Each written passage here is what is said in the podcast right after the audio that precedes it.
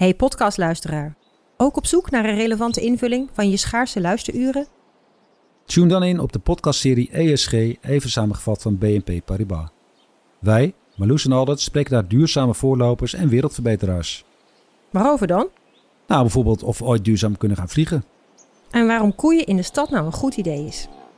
Dat en meer elke twee weken in een nieuwe aflevering. Dus abonneer je. ESG, even samengevat.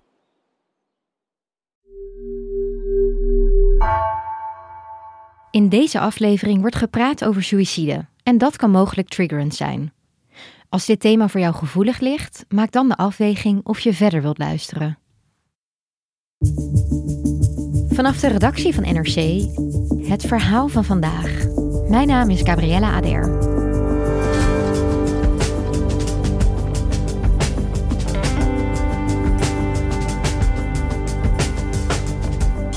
Wie te maken heeft met ernstige persoonlijkheidsproblematiek, komt tot 2022 terecht bij het Centrum voor Psychotherapie in Lunteren.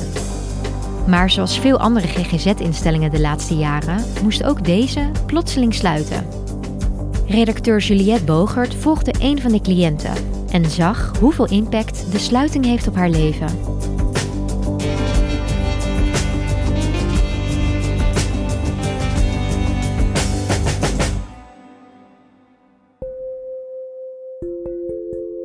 Het is 2022 en de dan 22-jarige L, dat is haar voorletter, we noemen niet haar volledige naam vanuit privacyoverwegingen, zit al een aantal maanden in een intensief behandeltraject bij het Centrum voor Psychotherapie in Lunteren.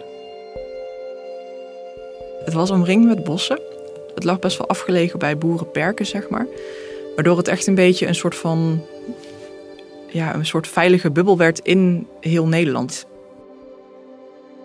L is gediagnosticeerd met stille borderline. Borderline is een persoonlijkheidsstoornis en dat staat vooral bekend om uh, wat explosieve karaktereigenschappen. Maar zij heeft dus stille borderline en dat betekent dat ze vooral heel erg naar binnen keert. Daarnaast heeft ze ook een vermijdende persoonlijkheidsstoornis. En dat is een stoornis waarbij mensen bijvoorbeeld extreem verlegen zijn of heel graag dingen uit de weg gaan. En ze is ook gediagnosticeerd met PTSS, um, dat zijn ernstige traumatische klachten. En zo'n behandeltraject is heel heftig. Er worden eigenlijk al je trauma's continu opgerakeld om ze vervolgens te kunnen gaan verwerken. En op een gegeven moment is El even met verlof, is even niet in de kliniek en dan krijgt ze een telefoontje. En eigenlijk was het vooral een heel kort telefoontje van, ja, um, dat heb je misschien al van groepsgenoten gehoord of een beetje aan kunnen voelen. Maar uh, ja, de raad van bestuur is langs geweest en um, ja, we, we, gaan, we worden gesloten, we gaan dicht. Er werd besloten dat de instelling van El moest sluiten en ze haar behandeling daar dus niet zou kunnen afmaken.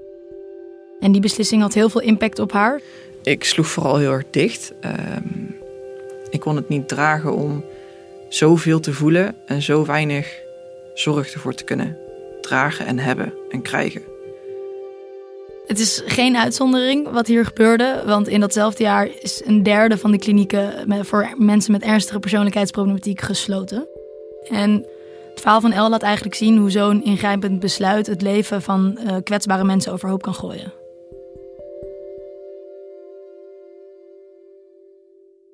Ja, Juliette, de vrouw die jij sprak hè, en die wij El noemen, zij volgde daar in Lunteren hele intensieve therapie. Maar wat was er met haar? Wat was haar situatie?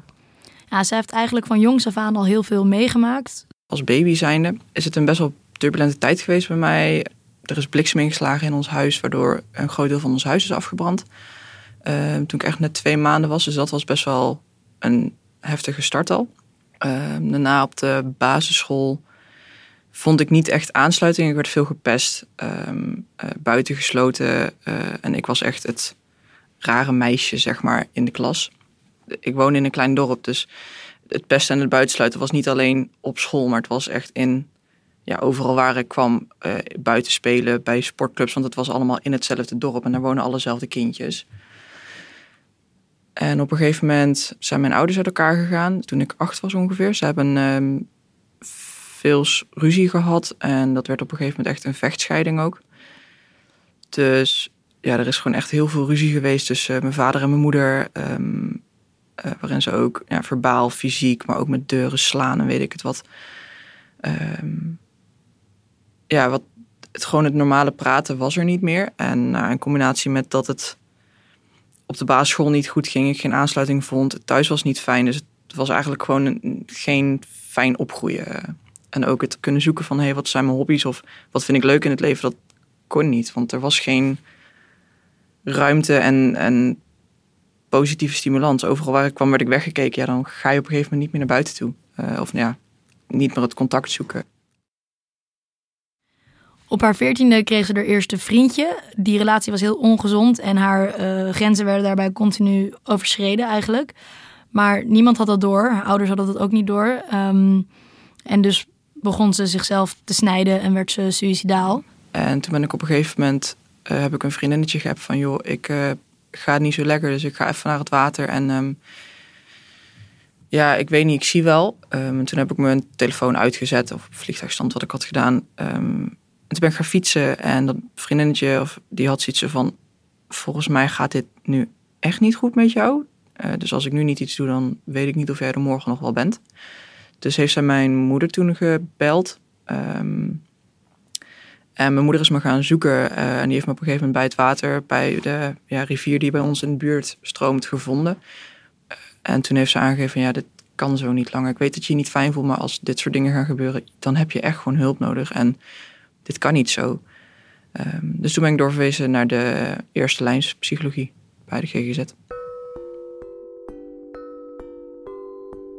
Daar kreeg ze dus behandelingen voor angsten en depressies en, en trauma's. Dat hielp iets. En um, rond haar zestiende ontmoette ze een andere jongen, kreeg ze een nieuwe relatie. Hij was twintig, dus hij was vier jaar ouder.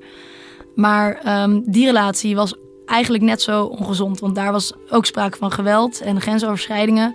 Alleen zij dacht dat dat bij een relatie hoorde. Dus zij dacht, hè, als ik dat moet accepteren um, om ook bij iemand te mogen zijn, ergens gewoon op de bank te mogen zitten, dat vond zij heel bijzonder. Dus dat, uh, dat nam ze dan maar voor lief. Maar ze merkte ook op een gegeven moment, die relatie duurde zes jaar. En uh, na een paar jaar merkte ze dat heel veel van haar klachten terugkwamen en erger werden. Um, ik had paniekaanvallen bijvoorbeeld als ik in de les zat. Uh, maar ook bij stages als ze me feedback gaven. Dat ik echt heel erg moest huilen terwijl ik dat helemaal niet wilde. Of um, ja, het lukte ook niet om het te remmen. Um, en ook als ik bijvoorbeeld een keer vertraging had gehad met de trein. Nou, als ik een uh, ochtenddienst had. En ik moest om, uh, wat was het, half acht, acht uur beginnen. En ik was vijf minuten later omdat de trein vertraging had. Dan durfde ik niet meer naar binnen te lopen. En dan was ik echt in een paniekaanval uh, aan het opstarten. En als er dan iets gebeurde, dan kwam die paniekaanval eruit. En dan begon ik gewoon te huilen, te hyperventileren. Um, en dan had ik echt tijd nodig om het te herpakken. Om überhaupt dat weer verder te kunnen, ja, de stage verder te kunnen lopen. Dus daarom heeft ze op een gegeven moment opnieuw aangeklopt bij de GGZ. En toen werd ze ook doorverwezen naar het Centrum voor Psychotherapie in Lunteren als specialistische kliniek. Ja, en wat is dat precies voor plek?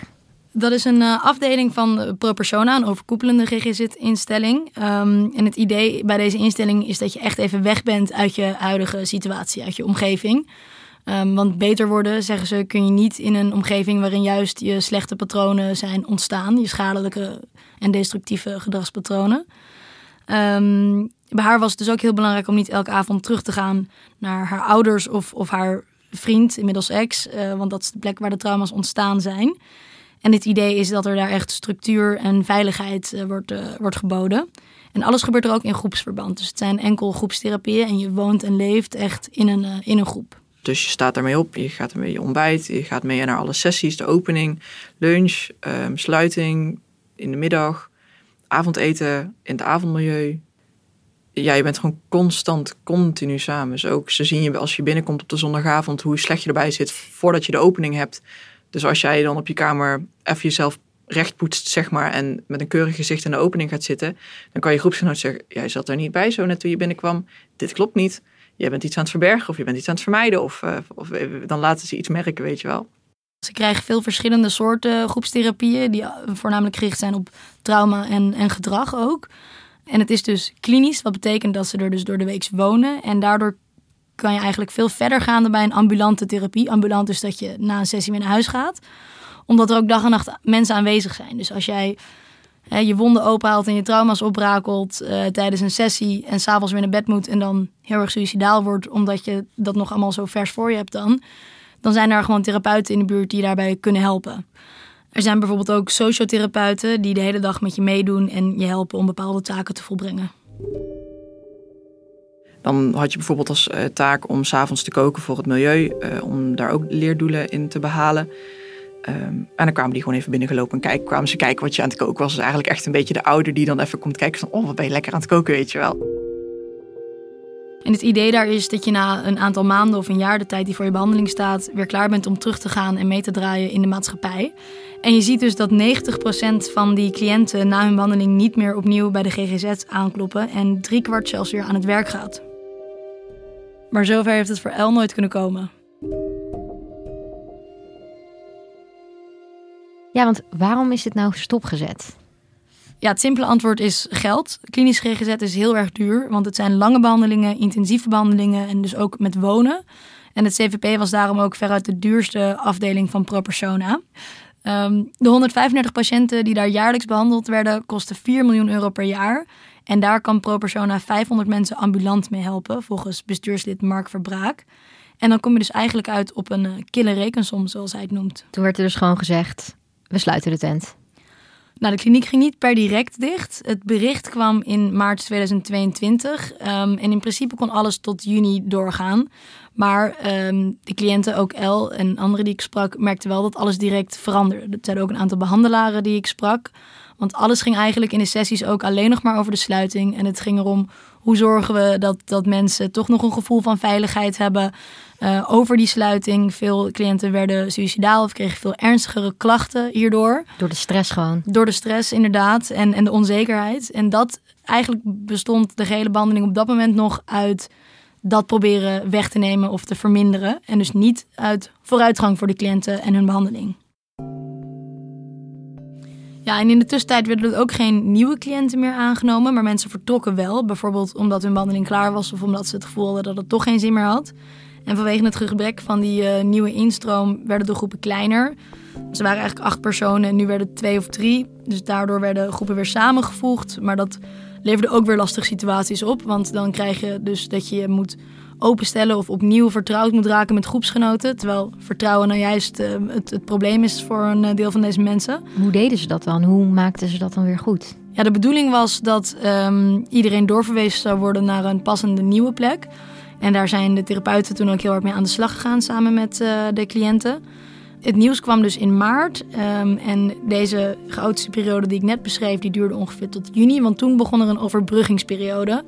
En in die periode, eigenlijk ging het gewoon sluiten al.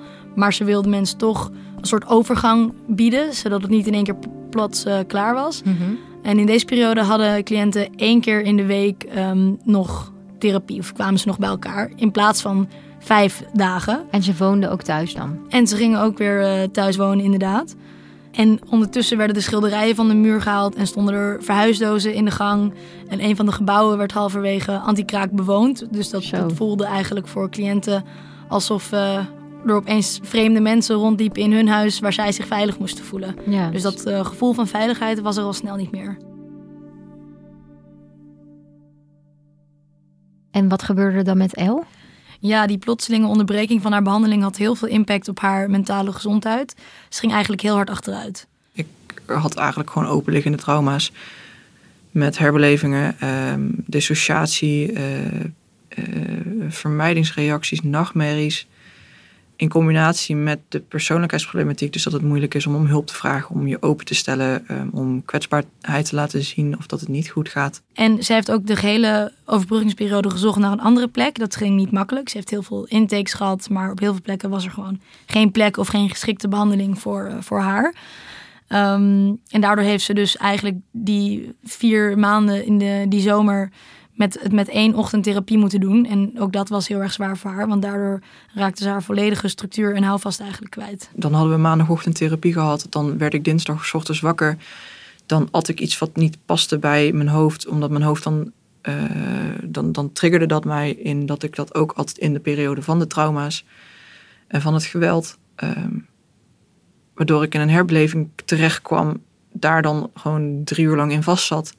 Om vervolgens dan op een gegeven moment eruit te komen, te beseffen, dit was volgens mij een herbeleving en ik ga pas over vijf dagen weer terug naar het CVP kunnen. Om hier misschien over te kunnen praten, maar ik moet die aankomende vijf dagen dus nog doorkomen. En weet jij hoe dat voor de andere patiënten is geweest? Ja, je moet je voorstellen, de mensen die hier zitten, die hebben al hele grote problemen. Vooral met vertrouwen en hechting. Ze hebben vaak een laag zelfbeeld, een heel negatief beeld van de wereld. En het idee dat mensen niets om ze geven. En, en dat wordt door zo'n sluiting eigenlijk alleen maar bevestigd. Mhm. En ik sprak ook met een aantal behandelaren. En die zagen dat veel patiënten weer terugschoten in oude schadelijke patronen. Of suicidaal werden. Dus je kan wel zeggen dat het heel schadelijk is geweest voor veel van deze patiënten. De laatste jaren hoor je natuurlijk steeds meer over de lange wachtlijsten, over dat er te weinig plekken zijn, over dat eh, GGZ-instellingen sluiten, zoals nu ook weer deze in Lunteren. Hoe kan dit allemaal? Ja, dat is echt een gevolg van marktwerking binnen de zorg. Daardoor zijn er financiële prikkels om zorg goedkoop aan te bieden. En dat heeft voordelen. Als je alles eh, toe zou laten of, of voor zoveel mogelijk eh, geld, dan zou onze premie echt omhoog schieten. Maar tegelijkertijd heeft het ook als gevolg dat de duurste zorg er als eerste uitgegooid wordt op het moment dat er bezuinigd moet worden.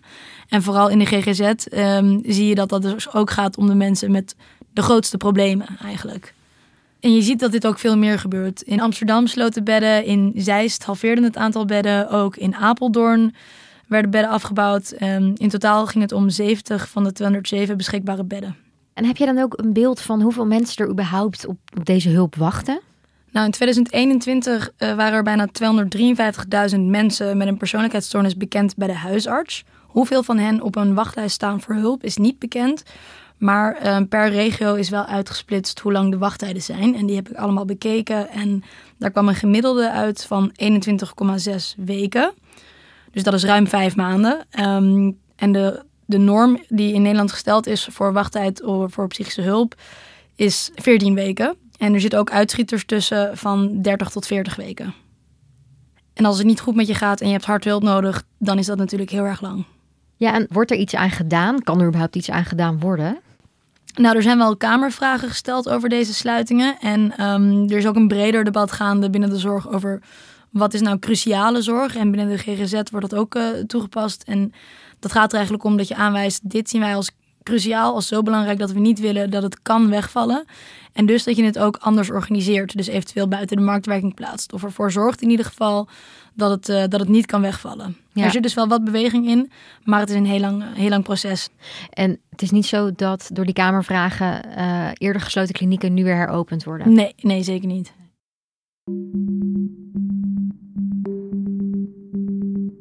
En hoe gaat het nu met El?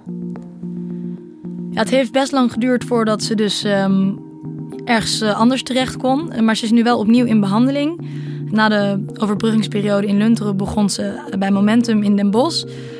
Daar gaat ze een aantal dagdelen, drie dagdelen naartoe, uh, maar ze blijft er niet slapen. En dat betekent ook dat de therapie minder intensief is. Dat ze minder diep kunnen gaan tijdens die, uh, die sessies, omdat er s'avonds niemand is om je op te vangen. Ik heb heel vaak dat ik denk, ik weet niet hoe ik mezelf hieruit moet krijgen... of hoe ik hier doorheen moet komen, of hoe ik het duidelijk moet krijgen. En ik word... Ik heb zo alles geprobeerd wat ik had in mijn kistje met dingen die ik kon proberen. En het werkt niet zoals ik het verwacht had dat het zou werken. En zoals het bij het CVP werkte. Dus ik weet niet wat ik nog meer kan doen dan dit. Um, het is een beetje zo'n doolhof waar je niet uitkomt.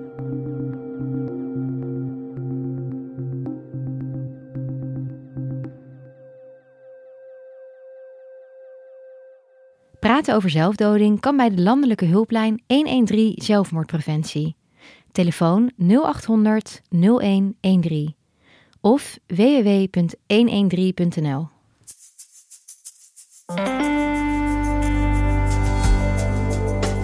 Je luisterde naar vandaag, een podcast van NRC. Eén verhaal, elke dag. Deze aflevering werd gemaakt door Mila Marie Bleeksma en Jan-Paul de Bond.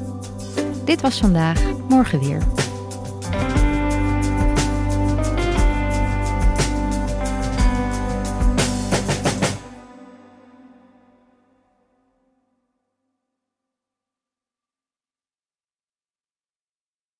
Technologie lijkt tegenwoordig het antwoord op iedere uitdaging. Bij PwC zien we dit anders. Als we de potentie van technologie willen benutten, kunnen we niet zonder een menselijk perspectief. Human-led, tech-powered noemen we dat. Ga naar pwc.nl.